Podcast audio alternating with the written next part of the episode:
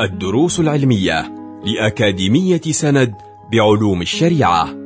المرحلة الأولى شرح ميسر لمجموعة من المتون المختصرة تفيد المتلقي في دنياه وآخرته. مقرر الإيمان والاعتقاد شرح العقيدة المجملة مع الشيخ كاظم السقاف. بسم الله الرحمن الرحيم. نحمده سبحانه وتعالى أبلغ حمد وأنماه وأشمله وأزكاه.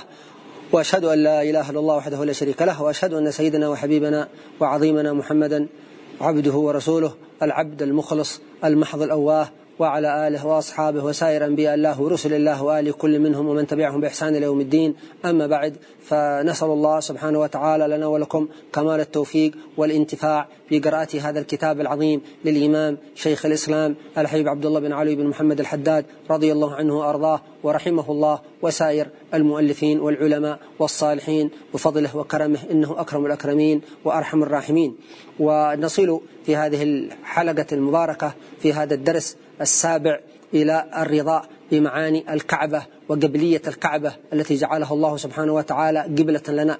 جعل الله الكعبة البيت الحرام قياما للناس. فالكعبة قبلتنا وهي التي نتوجه بأجسامنا إليها ونصلي لله سبحانه وتعالى أمامها سواء كنا في محيطها الداخلي أو في محيطها الخارجي أو بعيدا عنها. فمن نعم الله سبحانه وتعالى أن جعل أول بيت وضيع للناس الذي ببكة جعله قبلتنا. لم يكن لم تكن تتوجه الأمم السابقة إلى هذه الكعبة الشريفة التي هي بيت الله سبحانه وتعالى. أضيفت المولى عز وجل إضافة تشريف عظيم بيت الله جل في علاه وسماها سبحانه وتعالى في بعض في بعض المواضع القرآنية المسجد الحرام. وذكرها ربنا عز وجل ذكر هذه الكعبة بوصف البيت العتيق وليطوفوا بالبيت العتيق. وقد ذكر المولى سبحانه وتعالى لفظ الكعبة مرتين في القرآن العظيم. وهديا بالغ الكعبة. وقال سبحانه وتعالى جعل الله الكعبة البيت الحرام قياما للناس. فهذه الكعبة المشرفة نرضى بها قبلتنا ونتوجه إليها ونقبل الحجر الأسود الذي جعله الله سبحانه وتعالى من أعظم ال ال ال ال ال ال الآيات التي أنزلت من الجنة. وهي باقية في الأرض وهي في الحجر وهي الحجر الأسود إلى الآن. ولولا ذنوب وخطايا بني آدم لكان على ما هو عليه من حين ما نزل إلى الجنة ووضع في هذا الركن العظيم الركن الشرقي من الكعبة المشرفة. معلوم أن الكعبة المشرفة أربع أركان. الركن الذي فيه الحجر الأسود هذا الذي هو الركن الشرقي والركن اليماني والركن الشامي والركن العراقي. وسميت الكعبة كعبة بسبب أن شكلها مكعب وأقرب إلى المربع. مع ابتعاد الملتزم الذي حواليها. فلذلك سميت كعبة لشكلها المكعب والمربع فسميت بهذا الاسم وأطلق عليها هذا اللفظ. ولكن لها أسمى كما أشرنا أخرى في القرآن البيت العتيق المسجد الحرام بيت الله. فالحمد لله على هذه النعمة العظيمة نعمة الكعبة المشرفة.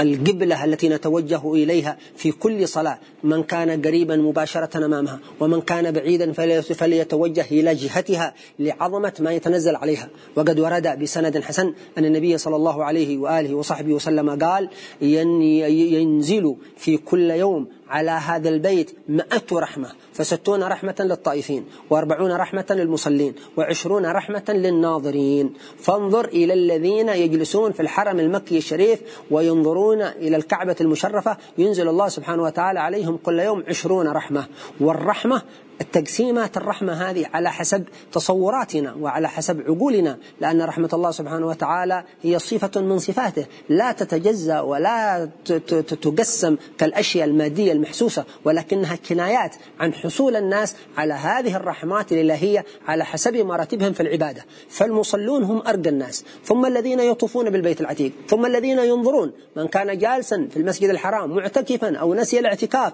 لكنه ناظر إلى الكعبة المشرفة فيحول يفوز على هذا الثواب العظيم ونزول هذه الرحمات. والرحمات تتنزل في بواطن المسلمين لا على حسب أعدادهم ولكن على حسب تأهلات بواطنهم. بمعنى ماذا؟ قد يوجد عدد كبير من المسلمين ولكن نصيب البعض من الرحمة قليل لأنه لا يرحم غيره ولا يرحم ولده. بينما تجد بعض المسلمين نصيبه من الرحمة الإلهية كبير بسبب كثرة رحماته. هو يرحم أولاده ويرحم أقاربه ويرحم جيرانه ويرحم حتى غير المسلمين.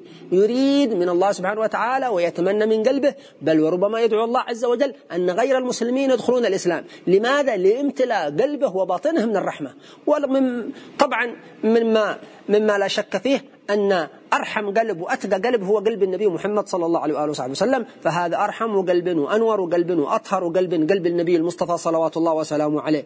فالشاهد أننا كلما ملانا قلوبنا من الرحمة لبعضنا البعض وترحمنا ورحمنا غيرنا ولو من البهايم توفر حظنا من رحمة الله سبحانه وتعالى. كما قال النبي الأعظم صلى الله عليه وآله وصحبه وسلم في الحديث المشهور المسلسل بالأولية الراحمون يرحمهم الرحمن تبارك وتعالى ارحموا من في الأرض يرحمكم من في السماء أو يرحمكم من في السماء. فإذا ترحمنا حصلنا على رحمة الله سبحانه وتعالى الكبرى العظمى التي لا يعبر عنها ولا يتصور ولكن نرى آثارها. فانظر إلى آثار رحمة الله.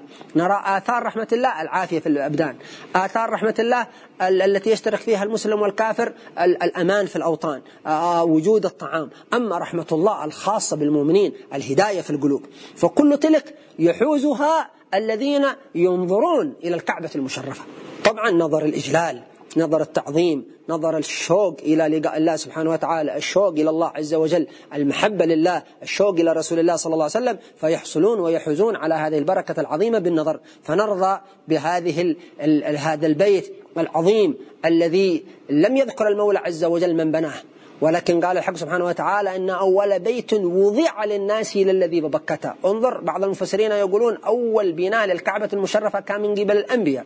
ثم بعد ذلك كسر على ما ذكروا في تاريخ الكعبة. ثم أن سيدنا إبراهيم عليه السلام هو بنى قواعده ولم يبني البيت. قال الحق سبحانه وتعالى وإذ يرفع إبراهيم القواعد من البيت وإسماعيل فسيدنا إبراهيم وإسماعيل عليهم السلام هما اللذان بنيا البيت أو رفعا قواعد البيت بالأصح بالأدق. ولا نقول بنى رفع قواعد البيت ولكن الله عز وجل وضعه في الأرض. إن أول بيت وضع للناس الذي ببكته. فكيف لا نفرح بقبلتنا وبكعبتنا؟ بل نشتاق إليها ونقبل الحجر الأسود فيها بكل شوق لأنه دلالة على ماذا؟ على مصافحة الحق سبحانه وتعالى كما ورد في بعض الأحاديث كناية عن رضاء الله سبحانه وتعالى. فنحمد الله على وجود الكعبة المشرفة ونسأل الله أن يزيدها تشريفا وتعظيما ومهابة ورفعة كما يقول المسلمون دائما كلما دخل أحدهم إلى المسجد الحرام ورأى البيت العتيق ورأى الكعبة المشرفة قال هذه الأدعية العظيمة التي علمها رسول الله صلى الله عليه وسلم أمته اللهم زد هذا البيت تشريفا وتكريما وتعظيمة ومهابة إلى آخر الدعاء. فنحمد الله عز وجل على أن جعل الكعبة المشرفة قبلتنا نصلي إلى الله لله سبحانه وتعالى عبر التوجه إليها. ولا ننسى أنه في آخر الزمان كذلك ستدمر الكعبة وستكسر الكعبة حجرا حجرا. فإذا كسرت الكعبة عندما يرتفع القرآن وكسرت الكعبة لن يبقى شيء من تعاليم الإسلام. قليلا قليلا يرتفع الصلاة ترتفع الصيام ترتفع التعاليم. فإذا دمرت الكعبة وكسرت وارتفع القرآن ومات العلماء عاد الناس. إلى ما كانوا عليه في الزمن الأول من عبادة الأصنام ومن عبادة الأوثان ومن الشرك والعياذ بالله حتى تضطرب آليات دوس حول ذي الخلصة. ذلك يكون في آخر الزمان بعد تكسير الكعبة بعد ارتفاع القرآن بعد موت العلماء. لا يوجد أحد يفتي الناس لا يوجد أحد ينصح الناس فتعود الناس ويزين لهم الشيطان. أقبح وأسوأ عمل عبادة الأصنام في الأرض. نعوذ بالله من ذلك ونسأل الله أن يحفظنا والأجيال القادمة من جميع المهالك.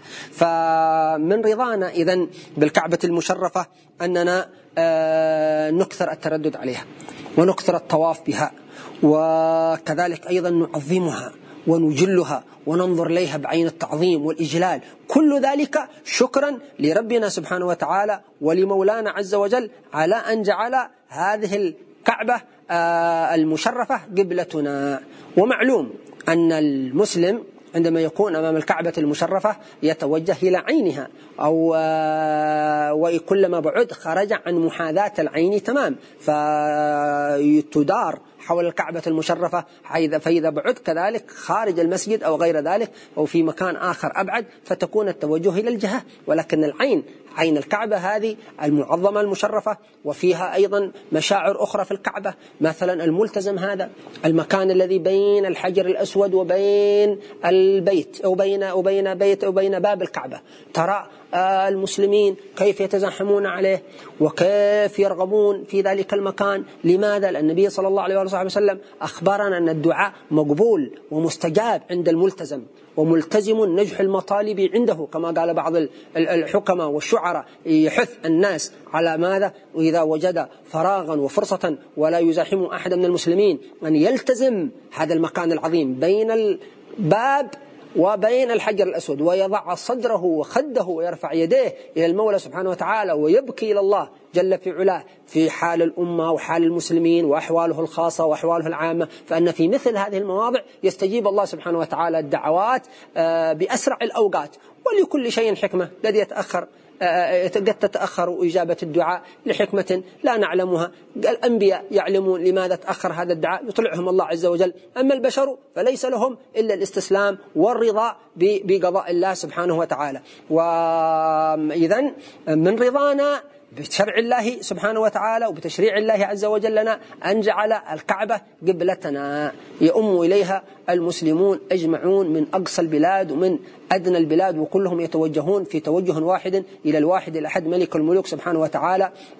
ويجعلون الكعبة آه، قبلة أجسامهم كما أن قبلة القلوب نبينا محمد صلى الله عليه وسلم. فإذا توجهنا بأجسامنا إلى الكعبة المشرفة كذلك تذكرنا كيف كان يكبر رسول الله صلى الله عليه وسلم. كما قال صلى الله عليه وآله وصحبه وسلم صلوا كما رأيتموني أصلي. فنتذكر كيف كان يكبر رسول الله؟ وكيف كان يقرأ القرآن في الصلاة رسول الله صلى الله عليه وسلم؟ كيف كان يقف على رؤوس الآي مثلا كيف كان يقرأ الفاتحة؟ كما تقول أم سلمة في, في, عندما سئلت أم سلمة عن قراءة رسول الله صلى الله عليه وسلم كما في شمائل الترمذي فإذا هي تنعت قراءة مفسرة تنعت تصف أو تقلد. فإذا توجهنا إلى الصلاة أمام الكعبة المشرفة آه وجعلناها وجهة قلوبنا أو وجهة أجسامنا إلى آه وجعلنا الكعبة المشرفة وجهة أجسامنا ووجوهنا تذكرنا وجهة القلوب تذكرنا رسول الله صلى الله عليه وسلم كيف يكبر كيف يرفع يديه كيف يهوي للركوع كيف يجلس فتكون صلاتنا كاملة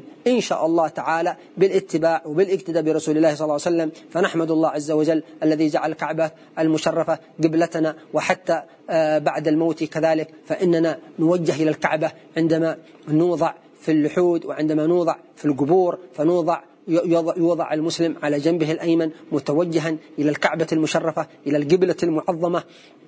وكذلك إذا نام الإنسان من سنن النوم أن ينام الإنسان آه، على جنبه الأيمن مستقبلا الكعبة المشرفة القبلة المعظمة ويذكر إذا نام على جنبه الأيمن مستقبلا القبلة أنه سيوضع كذلك بعد موته في قبره وحيدا فريدا على جنبه الأيمن مستقبل القبلة. ليس معه شيء من هذه الحياة إلا عمله الصالح الذي قد كان قدمه في عمره. نسأل الله تعالى أن يربطنا بهذه الكعبة المشرفة ربطا كاملا يربطنا بها في الحياة ويربطنا بها بعد الموت وفي يوم البعث والنشور آه، وفي يوم المرور على الصراط وأن يزيدها تعظيما وتشريفا وأن يوفقنا والمستمعين إلى التردد إليها وزيارتها والطواف بها كما طاف بها المخلصون والصالحون والصادقون والحمد لله رب العالمين. كنتم مع الدروس العلمية لأكاديمية سند بعلوم الشريعة. يمكنكم متابعة جميع الدروس عبر موقع الأكاديمية وتطبيقاتها الإلكترونية. سند علم سلوك دعوة.